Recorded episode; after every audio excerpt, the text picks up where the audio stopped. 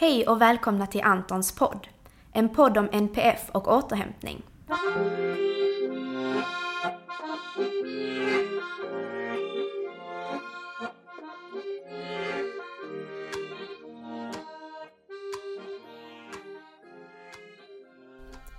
Jag heter Marie och kommer att i dessa poddavsnitt utforska olika aspekter av hur det är att leva med eller tillsammans med någon med NPF, neuropsykiatrisk funktionsnedsättning.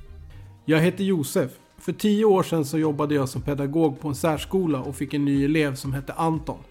Han lärde mig om autism och han lärde mig minst lika mycket om behovet av återhämtning. Jag lärde också känna Antons mamma, Lotta. Att leva med Anton är både fantastiskt och underbart. Men det är också utmanande. För Anton har svår autism och det påverkar hela familjen. Vi är ofta helt slutkörda och har ett stort behov av återhämtning.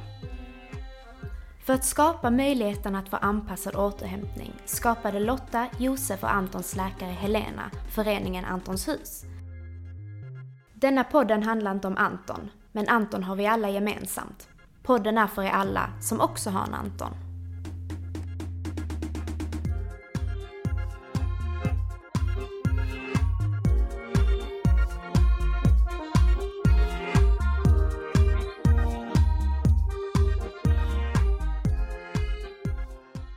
Och välkomna! Och med mig idag har jag Lotta som ni har träffat några gånger i tidigare poddavsnitt och som ni säkert känner igen ifrån vårt lilla intro som spelas innan varje avsnitt. Men jag har också med mig en ny gäst här idag och hon heter Lena Nylander. Välkommen Lena! Tack så mycket! Vill du berätta lite om dig själv för våra lyssnare? Eh, ja, jag är eh, vuxenpsykiater och eh, jobbar och har jobbat i över 40 år i vuxenpsykiatrin i Lund. De sista 25 åren drygt så har jag intresserat mig för vuxna med autism och jobbat väldigt mycket med vuxna med autism. Och ännu längre än så har jag jobbat med vuxna med intellektuell funktionsnedsättning eller utvecklingsstörning inom ramen för vuxenpsykiatrin. Och jag har också under några år varit konsultläkare på eh, Region Skånes vuxenhabilitering. Och är fortfarande så har jag en viss konsultroll där. Och nu de sista sju åren så har jag jobbat i någonting som heter VUB Skåne och det betyder vuxna med utvecklingsstörning och svåra utmanande beteenden.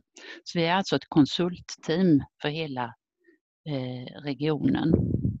Så man kan kontakta oss när det är problem som inte psykiatrin, primärvården, habiliteringen, kommunen har lyckats att lösa på ett bra sätt. Och så försöker vi hjälpa till så gott vi kan. Och sen har jag också forskat och forskar en del kring utvecklingsstörning och autism. Jag har skrivit en doktorsavhandling om eh, autism och respektive ADHD i vuxenpsykiatrin.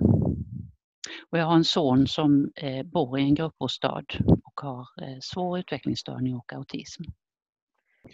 Ja, du skrev ett väldigt intressant blogginlägg som diskuterar kring om självbestämmande kan bli vanvård för personer med funktionsnedsättningar. Vill du berätta lite om eh, det dilemma som kan uppstå gällande självbestämmande? Ja, det är ju, det är ju så att eh, man får inte tvinga andra människor. Det är alltid olagligt att tvinga, använda tvångsmedel eh, på något sätt gentemot andra personer. Eh, och eh, alla har rätt att själva bestämma om eh, sin vardag och sitt liv och så vidare. Eh, och sen är det ju så att eh, man förutsätter ju för det mesta att vuxna människor kan eh, bestämma vad som är bra för dem själva, vad som inte är skadligt, varken på kort eller lång sikt för dem själva eller för andra människor. Eh, och samtidigt så är det ju så att en del som har intellektuell funktionsnedsättning ehm, eh, och många av dem som har autism samtidigt har väldigt svårt att förutse konsekvenser av sina egna handlingar. Till exempel att man blir sjuk om man äter allt för ensidigt eller fel eller så eller att man blir sjuk och dålig och, och inte mår bra om man inte rör på sig tillräckligt mycket etc. etc. Ehm, och då, då, ställs ju de som ska stötta personerna och skydda dem och ge dem eh, hjälp att leva ett gott liv. De ställs inför dilemmat där det å ena sidan handlar om att, att låta personen bestämma själv och ha delaktighet och inflytande i sitt liv och å andra sidan utsätta dem för risker och, och sånt som kan skada dem själva på lång sikt. Så det är det jag menar med den titeln. Och det är ett svårt etiskt dilemma som eh, kräver faktiskt både reflektion och handledning och eh, stöd från eh, ledning. Ja, man kan verkligen fråga sig vad betyder självbestämmande när man, om man har en funktionsnedsättning mm. som gör att man inte kan föreställa sig mm. Mm. sin omvärld och allt det. Så säger man till exempel, vad vill du äta? Säger man det till Anton så säger han hamburgare. Inte för att mm. han vill ha hamburgare utan för det är det han kan mm. säga och det är det han har lärt sig att man, mm. eller har lärt sig, han har lärt sig själv att det svarar man på i den mm. frågan. Det behöver ju inte betyda att han vill ha hamburgare till frukost, lunch och middag. Nej, nej. Så att eh, där måste man ju i så fall ge verktyg för att själv mm. kunna mm. bestämma, att ha egenmakt ja. eller vad man nu vill kalla det. Ja. ja. och många gånger är det också så att om man frågar en person med eh, den här typen av funktionsnedsättning, vill du göra det eller det? Så tycker personen att det är enklast och bekvämast att säga att den inte vill. För den har svårt att föreställa sig vad den här aktiviteten mm. skulle innebära. Så att på det viset så kan också livet bli väldigt inskränkt när man liksom säger att ja men han vill inte det, han vill inte gå ut och gå, han vill inte göra någon aktivitet, han vill inte gå på daglig verksamhet, han, ja, Därför att man har frågat och, och, det handlar mycket om hur man ställer frågan och hur man mm. framställer det. Men om, om det regnar ute och personalen själv inte vill gå ut så kanske man frågar på ett sätt så att det blir väldigt eh, uppenbart att personen behöver säga nej. Så att säga. Mm, mm.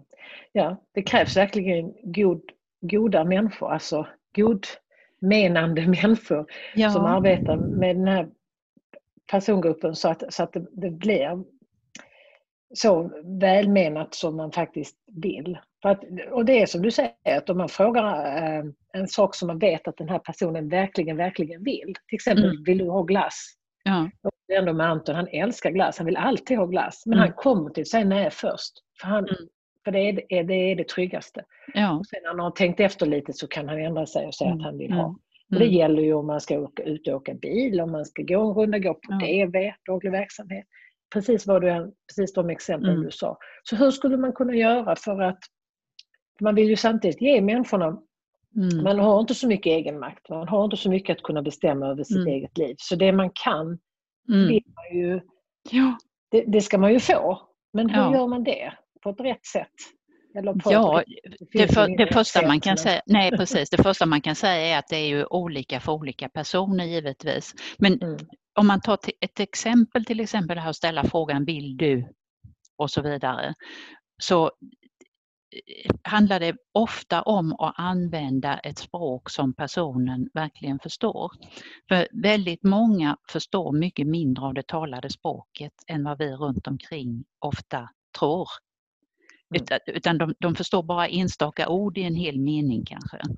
Och då blir det eh, väldigt svårt för dem att veta vad det handlar om och då säger man nej för, för säkerhets skull. Så det handlar ju mycket om att försöka förstå vad den andra förstår. Alltihopa handlar jättemycket om att förstå vad den andra förstår. Eh, och, eh, och, när det, och nu är det mat och motion och sånt som jag har framförallt skrivit om i den här eh, bloggen. Eh, och då handlar det också om att försöka visa på olika goda och nyttiga alternativ och eh, ja, försöka hitta rätt vägar in till just den personen man ska ge stöd. Mm. Och man får lite grann också tänka, en del tycker inte om att jag säger på det viset, men eh, man, man, får tänka lite grann på hur man skulle göra med en annan person som inte riktigt förstår sitt eget bästa och kanske skulle välja något som är dåligt på sikt. Och då tänker jag på ett litet barn som ju gärna kanske skulle äta godis och kakor och glass till varje måltid. Mm. Hur, hur, gör man med dem? Ja, det är ofta att försöka och kanske laga någon rätt som ser väldigt god och frestande ut men som är nyttig. Mm. Och, och, sätta fram den, inte, inte fråga innan vad vill du ha till, till middag och då kanske man väljer glass utan säger nu ska vi göra den här rätten och se hur den smakar eller ja, någonting sånt. Ja, eller så kan man välja mellan två grejer som är nyttiga så får ja. man ju i alla fall vara ja, med och bestämma precis, något. Men precis. man behöver inte... Att säga det är som, återigen, det är inte så att jag jämställer en vuxen person med den här eh, diagnosen med ett barn, men i vissa avseenden så är det så. Ja. Och säger man till en två treåring, vad vill du ha att äta? Det är inte snällt, för det finns alldeles för många val i världen. Ja, ja, Utan man måste avgränsa det. Så man kan säga, vill du ha? Och så kan man ge lite alternativ. Vill du ha broccoli ge... eller spenat? Ja, men typ. Då hade Anton sagt glass. Ja, ja, ja. Nej, men det, och då måste man veta det om Anton att ställer man frågan på det viset så får man kanske inte det svar som hade varit bäst för honom utan man får göra på ett annat vis. Ja, mm. och, det, och det, är välvilja där då att man verkligen vill. Mm. Men där får mm. man ju leka lite. Det är samma ja. det här med att borsta tänderna som ja. är väldigt svårt mm. för många personer. Mm. För där är ju att borsta tänderna är ju för att få tänderna rena. Och då får mm. man ju fundera ut hur gör man på bästa sätt för att få tänderna rena för den här personen. Mm. Det kanske är munskölj och kanske det fungerar bättre med, mm. med sån här tandpet. Alltså ja, jag vet ja. inte, det är ju olika för olika ja, personer. Men man måste vara kreativ. Ja, och jag, jag ska ju säga att jag har ju inte träffat någon person med medelsvår eller svår intellektuell funktionsnedsättning som faktiskt klarar att borsta sina tänder själv. Utan, Men det eh, finns ju faktiskt människor som är väldigt, väldigt högfungerande och väldigt intelligenta men klarar inte det. Ja, ja. Men, men jag menar har man en intellektuell funktionsnedsättning så, så behöver man hjälp med det för att inte ja, det ska bli ja. problem. Det, det, kan man Absolut. lugnt utgå från. Även om man kan köra tandborsten lite kors och tvärs i munnen så, blir, så förstår man inte syftet. Riktigt. Nej, och då blir man ju inte ren och då, då kan man nej. inte säga att han har borstat tänderna. Nej, För det har han inte. Han nej, har haft en nej. tandborste i munnen och ja, det är stor ja. skillnad. Ja. Så att där känner jag att, och det kanske man inte ska borsta i två, tre minuter utan man kanske får dela upp munnen i åtta olika delar. Och så vid åtta olika tillfällen i dagen försöker man Alltså syftet måste bli att, att det ska mm. bli rent. Ja. Och sen tänker jag också förresten om, om man nu ska snöa in ännu mer på det här med, med kost och motion att eh, jag tänker att det, det, är jätteviktigt att tänka väldigt tidigt på de sakerna. Alltså att, att se om man kan vänja personen vid nyttig mat eller få den att tycka om eh, frukt hellre än kakor redan när den är liten. Alltså att, att, eh, och det vet, det är, vet ju alla att det är ofta väldigt svårt, att det är många med autism och intellektuell funktionsnedsättning som har ett väldigt selektivt ätande. Och att det, det är inte så alldeles lätt att introducera ny mat och, och, så vidare. Men eh, om det går så har man gjort dem en jättetjänst. Nej men precis, det, mm. det är svårt och man kan inte trolla med knäna. Nej. Men man kan ha det som ett mål så kan man ja. försöka ta små ja. steg och så får man faktiskt ja se de små stegen och glädjas ja, och vara nöjd och liksom klappa sig själv på axeln för dem. För, för det är svårt. Det är jättesvårt. Men inte kan, omöjligt. Det är inte omöjligt och man kan ju också använda det här med rutinerna. Till exempel att introducera lördagsgodis och det kan man ju ha kvar hela livet att godis förekommer bara på lördagarna. Om man en gång har fått in det så att säga som en rutin. Mm. Och, jo, jag ska säga också att när vi pratar om det här med, med kost och så vidare så finns det ju en eh, variant av eh, kromosomrubbning som heter Prader-Willis syndrom. Och där måste man faktiskt, för att inte dö av det, så måste man ha hjälp att begränsa sitt matintag. Mm. Eh, och, och eh, rejält därför att de personerna har ingen mättnadskänsla och de kan bokstavligen äta så de spricker. Alltså. Mm. Ja. Det, det, är så att allt som fungerar kan också inte fungera. På något sätt så får mm. man påminna sig om det. Ja. Så att man både kan känna hunger och, mättnad kan också vara att man inte kan det och då är det ja. ett jättestort problem. Ja, ja. Men när det fungerar så tar man det bara så för givet. Ja, visst. Mm. Och, och det, det, är så mycket med, med um, olika, alltså vadå, ja, inom autism tycker jag. Att. Man tar för givet att man ska mm. förstå mm. sammanhang och att man ska, när, man, när man kan förstå och man gör det utan att tänka på det så tar man det för givet men det är inte för givet för många människor. Nej, nej. Men det är svårt att tänka sig in i. Ja. Verkligen. Sen eh, tänker jag också på det här med att, att man får låsa saker eller inte låsa saker. den diskussionen kommer ju också. Och då, Mm. då har jag en bekant, hennes, eh, hennes barn är ju vuxen. Men Mm. hon kunde inte ha någonting i kylen. Hon bor då i en gruppboende och då har man ju ett eget litet kök och, där, Mm. och, där, och man får inte låsa någonstans. Men samtidigt så är ibland att inte låsa, Mm. det är mer begränsande än att man faktiskt låser. Ja. Och då vet jag att, att de hade jätteproblem med det för när de, hon gick in i kylen så välte hon ut allting eller åt allting. Ja. Hon Ja. kunde inte ha någonting i kylen. Så då var Nej. kylen tom och så hade man sakerna ute i det allmänna istället.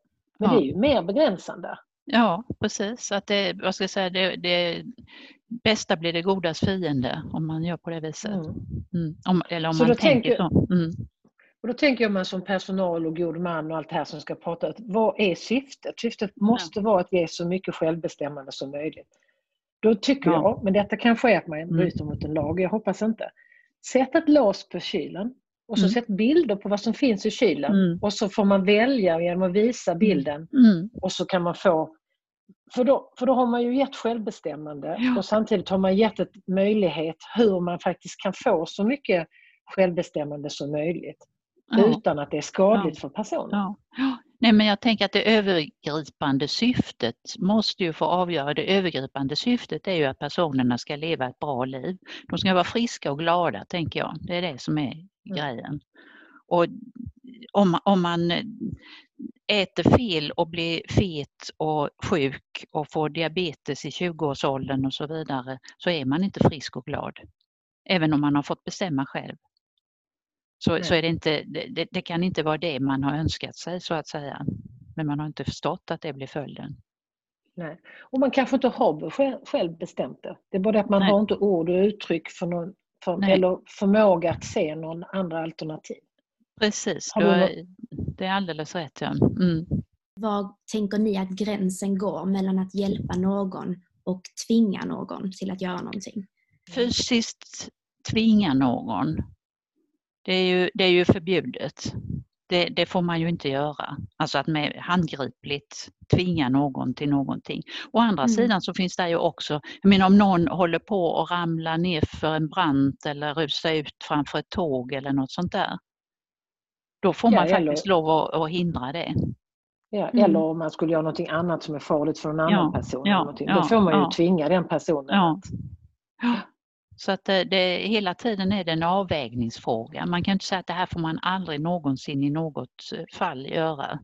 Men, men det, det, där kom vi ju lite långt ifrån ämnet kanske. Eh, men man kan säga att fysiskt begränsa personen, det får man inte göra. Man får inte hålla i den eller tvinga den genom någon form av fysisk påverkan person Mm. till person eller med tillhygge eller vad det nu kan vara. Men det finns, det här med hot är ju också svårt för jag tänker att jag, jag kanske avstår från att äta det godis jag egentligen vill därför att det är ett hot att mina tänder kommer att bli dåliga. Och jag vill inte ha dåliga. Jag menar det är ju en sorts hot kan man säga fast jag har det inuti mig själv. Mm. Och om jag då säger till någon annan att om du äter det där så kommer du att få dra ut dina tänder eh, och, och få jätteont i dem. Är det ett hot? Mm. Det är en man då inte konsekvensbeskrivning. Det kan vara en konsekvensbeskrivning men det kan ju också vara ett hot. Ja, Eftersom man inte har, eftersom man inte har en sammanhangsförståelse. Mm, mm, Jag kommer ihåg när, när vi sa säkert när våra barn var små att om man äter godis och inte borstar tänderna så trillar tänderna av. Eller ja, något sånt där. ja, Eller inte trillar av, trillar ut. mm, Och så när de var i den åldern när man tappar tänder. Jag kommer ihåg att första gången Anton tappade en tand, han var förtvivlad. mm, mm, Och jag vet inte om han, eller om jag lägger över och han inte alls tänkte så, men jag, han kanske hade blivit förtvivlad ändå. Men, men jag tog på mig skulden och tänkte, oh, herregud, då har vi nog sagt något sånt. och så mm, han, mm. Tror han att alla tänder Mm. ska trilla ut nu? Men, men det gick ju fort över. Men, men det man, man måste vara eh, man måste vara snäll människa. mm, Man mm. måste vilja väl. Ja, ja, Och, och så tänker jag, för det är en svår balansgång där. Ja, om man, om man hotar eller tvingar någon eller om man berätt, beskriver ett, sammanhang, Mm. sammanhang. Mm. Nu är det, det är ju i de flesta fall, men jag tror, alltså ibland så, så måste man kanske beskriva konsekvenser. Men eh, ofta så kan man ju säga att det här, det här är nyttigt nyttigare på lång sikt. Du kommer att må bra om du gör det här. Du kommer att kunna eh, springa fortare eller simma mer eller någonting sånt där. Att man kan beskriva positiva konsekvenser kanske av eh, att, att leva sunt. Eh, snarare än negativa av att inte göra det. Men ja, vi, vi alla fungerar ju så att vi ibland så är vi mer hörsamma mot hot och ibland mer mot eh, morötter så att säga. Mm. Så är det. Mm. Och då måste man också Men... tänka vilket funkar bäst på den här personen. Hot brukar faktiskt inte fungera på personer med autism kan jag ju säga. Utan eh, för att det, blir, det är ju jättesvårt för dem också att föreställa Lika lite som de kan föreställa sig att de kommer må bra av någonting kan de föreställa sig eh, att de kommer att må dåligt. Så där mm. tror jag kanske inte att det där med tänderna var eh, utifrån vad du hade sagt. utan, utan kanske mer bara för att det var en förändring. En, en ja, ja. obegriplig förändring. Ja så är det sannolikt. För det, mm. vi, vi, föräldrar har ju en förmåga att lägga allt, allt ja, på oss. Ja, ja. Liksom, åh, kan man få samvetskval så känns det som att då ser man till att få det. Så jag tror väl egentligen inte heller om jag nej, använder sunt förnuft att, att man, det hade man, med det. Men jag, men jag, kände det så då. Jo, jag förstår det. Och man, man tror ju också gärna att allt vad man säger eh, uppmärksammas och läggs på minnet. Men det är ju inte säkert heller. Nej, rätt sällan Ja, rätt sällan skulle jag tippa. Ja. Men sen kan man ju säga, om du menar tvinga också så här eh, Maria, om man säger att om du inte äter upp spenaten så får du inte åka, åker vi inte bil sen. Nej, alltså mm. bestraffningar och så. Ja. Det brukar ju inte gå hem hos dem med autism heller eftersom de har så svårt att föreställa sig konsekvenser. De är ju mm. mycket mer här och nu än de allra flesta människor.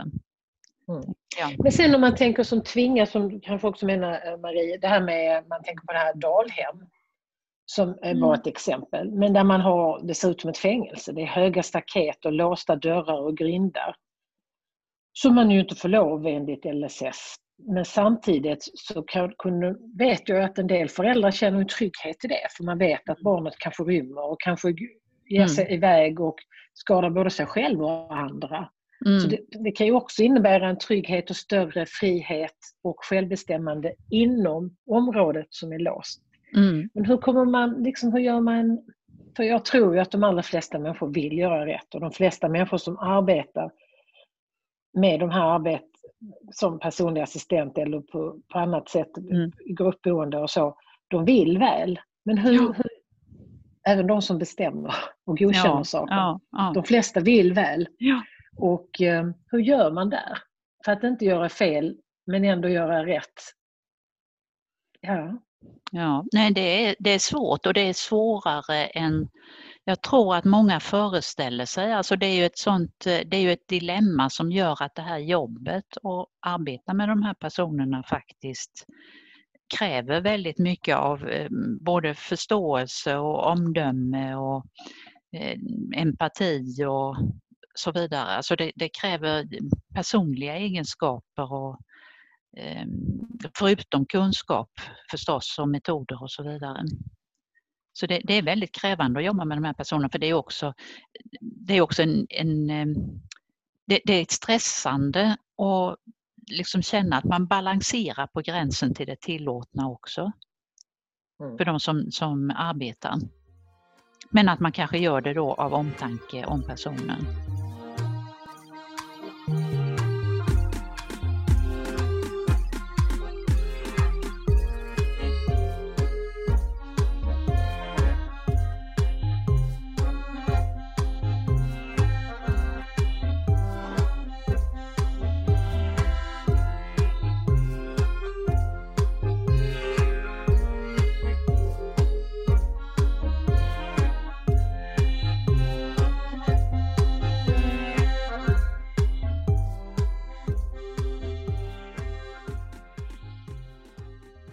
Ni var lite inne på detta innan, hur man hanterar situationer som om någon till exempel inte vill duscha eller borsta tänderna. Mm. Um, hur hanterar man det på bästa sätt? Om ni har mm. något mer ni vill säga om det? Ja, det var ju bra om man hade någon enkel gör si eller gör så, men eh, jag kan ju inte tänka ut något sånt mer än att eh, ja, man, man, måste titta på individen. För det kan finnas många anledningar till att man inte vill duscha eller borsta tänderna. Det kan ju vara att det faktiskt gör ont att duscha. Det är ju en del som tycker det, att det gör ont när vattendropparna träffar huden. Och då kanske det passar mycket bättre för en att bada i ett badkar istället och hålla sig ren på det viset. Eller mm. att det är, för en del så passar det bäst med en handdriven tandborste för andra med eltandborste och, eh, eller sådana här småborstar och sånt som vi var inne på innan. Att man prövar olika saker och ser, för det kan vara någon liten detalj, någon liten eh, sak som har med sinnesuppfattningen att göra som vi inte inser direkt men som är jättebetydelsefull för den andra personen och som han inte kan säga för han vet ju inte att det kan vara på något annat vis. Nej. Och därför tänka på många sinnen. Det kan till exempel vara att det är en spotlight eller ett ljus mm. Som, mm. som är fel riktat ja. när man är i duschen eller någonting. Ja. Det kan vara värmen. Ja. Och, och kan vara lukten på den tvålen man blir erbjuden. Ja. Precis, det kan vara att det går automatiskt på en fläkt när man går in på toaletten ja. och det är ett jättestörigt ljud som man ja. blir mycket stressad ja. av. Prova att borsta tänderna i köket då. Alltså, var kreativ, försök att hitta olika lösningar. För vad som är bra känner jag som man kan ha som ett kännetecken om man gör rätt eller inte. Man kan ju se på personens mående. Ja, mår personen bättre eller mår personen bra, då är man mm. rätt på det. Ja. Mår inte personen bra utan mår dåligt, mm. då får man ju tänka, man kan ju både vara förkyld och ha ont i magen mm. och mm. Mm. det ena och andra. Men, men är det liksom mer ett mönster, då kanske man börjar att sluta fungera att ha samma lösningar utan faktiskt mm. försöka sig på nya lösningar ja. och vara kreativ. Alltså med, med, motion och fysisk aktivitet och så vidare. Eh, det, är, det är ju väldigt viktigt, precis som för alla människor, att personer med intellektuell funktionsnedsättning och autism får tillfälle att röra på sig ordentligt. Och det är mm. faktiskt den eh, insats som har bäst effekt mot utmanande beteenden enligt den forskning som finns.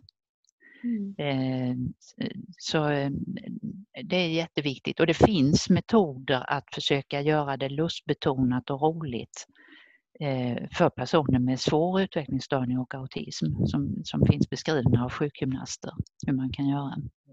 Så att det, finns, det finns ingen ursäkt för att inte de skulle få tillgång till motion och fysisk aktivitet. Så jag, jag kan tänka att eh, Anton till exempel tycker om att simma. Men det är väldigt svårt att gå till en simhall för det är mycket mm. ljud, han är mycket ljudkänslig. Mm. Ja. Då känner jag att man kanske skulle kunna fråga och komma överens om att man kommer innan de öppnar. Ja, när de ja, och liksom städar för att han, kan, han kan ju bara simma några längder där då.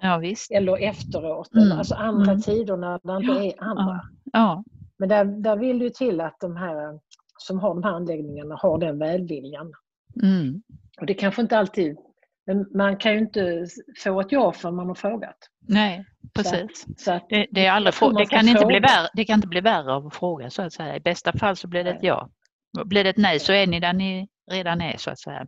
Nej men precis, ja. jag tror nog att man ska återigen vara kreativ mm. när man mm. har de här eh, ansvar av de här personerna. Ja. Ibland, så, ibland så, så är människor mycket mer villiga att göra undantag och inse att eh, det här behövs för tillgängligheten för att han ska få tillgång mm. till vad samhället kan erbjuda. Ja, och skulle man få nej på det då kanske man ska kontakta funktionsstödsförvaltningen eller något sånt där i sin ja, kommun. Ja. Det brukar finnas fritidskonsulent eller borde finnas ja, inom, ja, och det är regionerna. Och, och fråga, för där kan man också få lite tips mm. kanske. Men man behöver nog speciallösningar eftersom man har den typen av problematik. Men det kan ju också vara om man kan det här sen och känner sig trygg i mm. simhallen eller vad det nu är. Mm. Sedan kanske man klarar ja. att komma ja. när det är lite folk. Ja. Att man har en plan på hur man kan så man inte alltid är isolerad.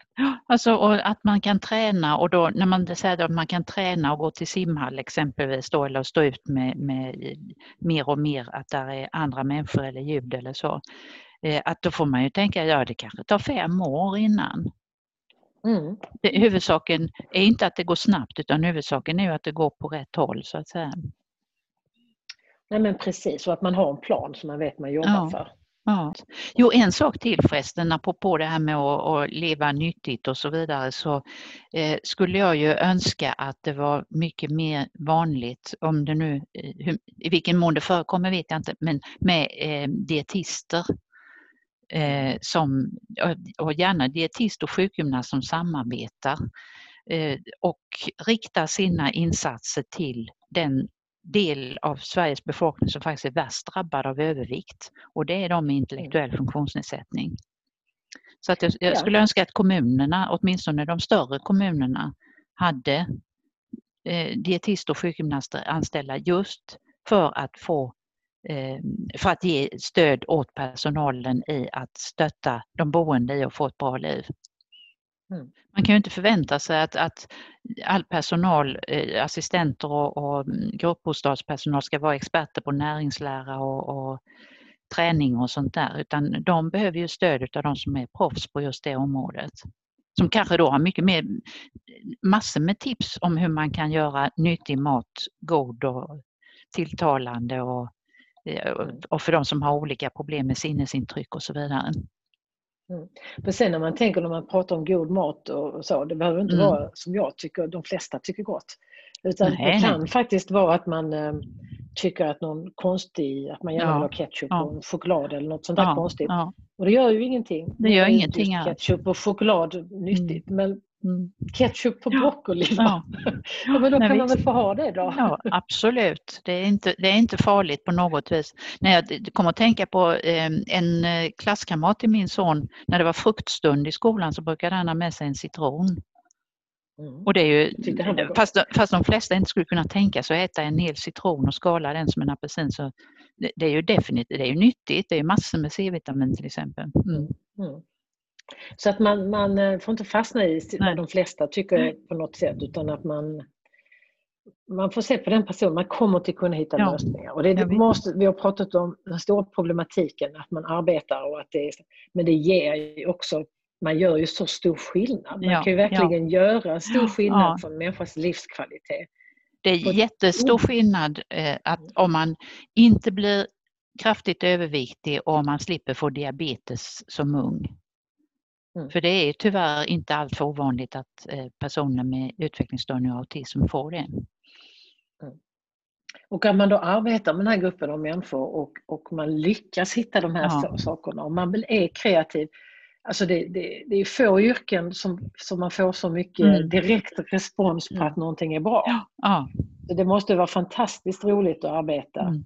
när det blir så. Ja.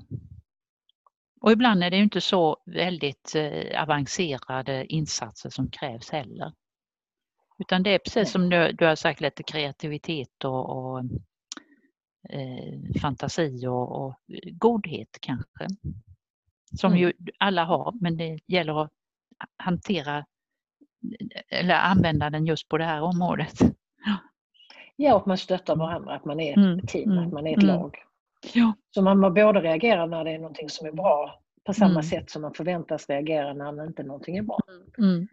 Så att man eh, hjälps åt. Mm.